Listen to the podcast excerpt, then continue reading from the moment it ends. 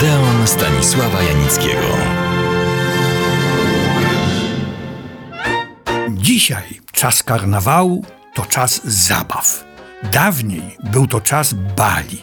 Strojnych, wykwintnych, hucznych, rodzących nadzieję na wielkie miłości, oczywiście, doprowadzające płeć piękną do niezwykłych uniesień albo spazmów i rozpaczy.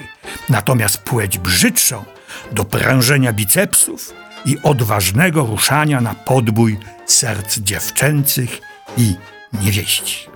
Kiedy trwał bal, strumieniami lał się szampan, wspomagany ponczami. Picie piwa czy mocnych trunków uważane było za absolutny faux pas. Konfetti, karneciki, w których dziewczęta, a nie dziewczyny, i panie wpisywały kandydatów do kolejnych tańców. Bal trwał rzecz jasna do białego rana, a kończył go biały mazur.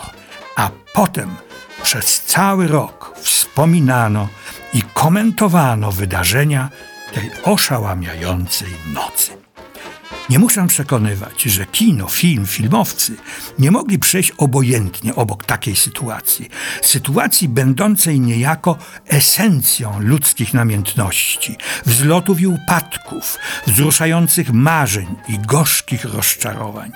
To też w niezliczonej ilości filmów pojawiają się sceny balowe, będące nie tylko ozdobnikiem fabuły, ale nieraz istotnym węzłem dramaturgicznym, mającym często decydujący wpływ na dalszy ciąg akcji i na losy bohaterów. Najczęściej pojawiają się sceny balowe w melodramatach i filmach historycznych, rozgrywających się przede wszystkim w XIX wieku. Od Damy Kameliowej począwszy, a na Lamparcie czy Wojnie i Pokoju skończywszy ale i w komediach te sceny odgrywają ważną, a często subtelną rolę. Na przykład w klasycznej, fantastycznej i absolutnie nie dzisiejszej komedii Wakacje pana Hulot Jacques'a Tati. Słuchacie Odeonu Stanisława Janickiego w RMF Classic. Tytułowy bohater, Monsieur Hulot, nieśmiały i beznadziejnie zakochany w pięknej dziewczynie, żeby zwrócić na siebie jej uwagę, zjawia się na balu maskowym przebrany za pirata.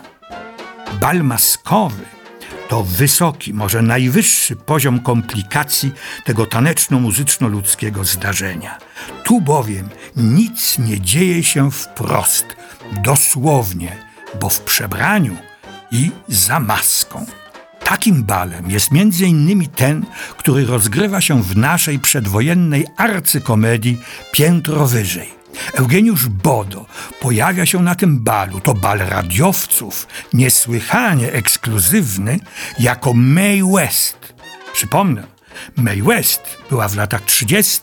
ponad miarę i wyobrażenie seksowną, prowokującą przez świętoszków, posyłaną na stos i do piekielnych czeluści, zaś przez normalnych widzów uwielbianą za inteligencję, poczucie humoru i temperament gwiazdą hollywoodzką a Eugeniusz Bodo w kapitalny, niepowtarzalny sposób śpiewa niejako w jej imieniu przebój wszechczasów.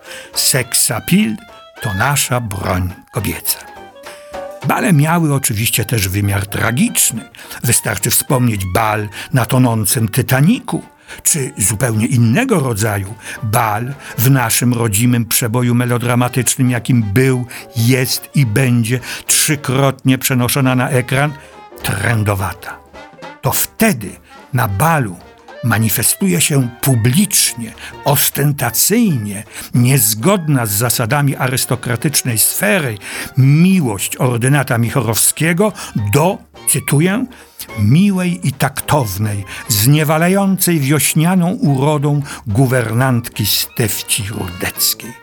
To wtedy zostaje ona, cytuję, ogarnięta potężnym płomieniem owej miłości. To wtedy też uknuta zostaje haniebna intryga przeciwko niej i usłyszy ona od hrabiego Barskiego, że, ciągle cytuję, jest ona i zawsze będzie trendowata.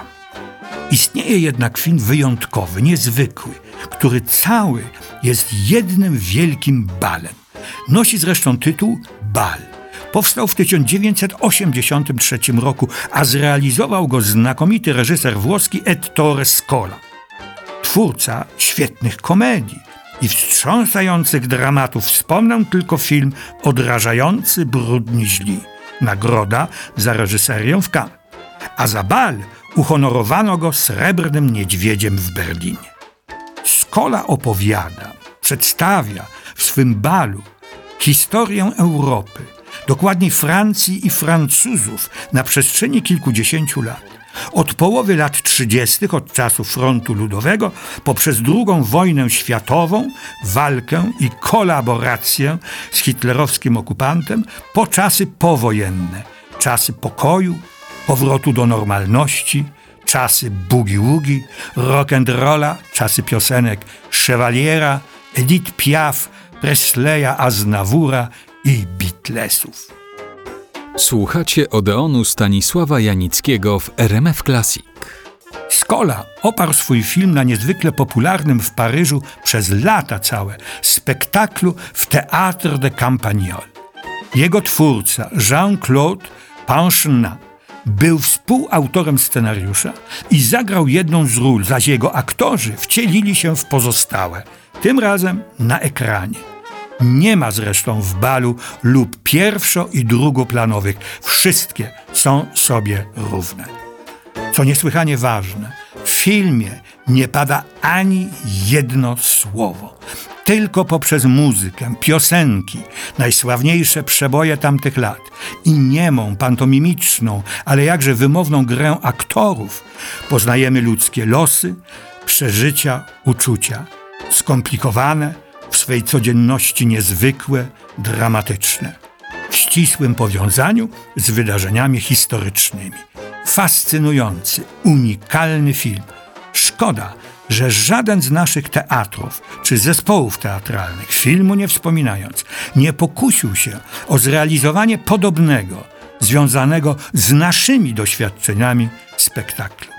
No tak, ale nas pociągają bardziej amerykańskie transplantacje musicalowe i serialowe.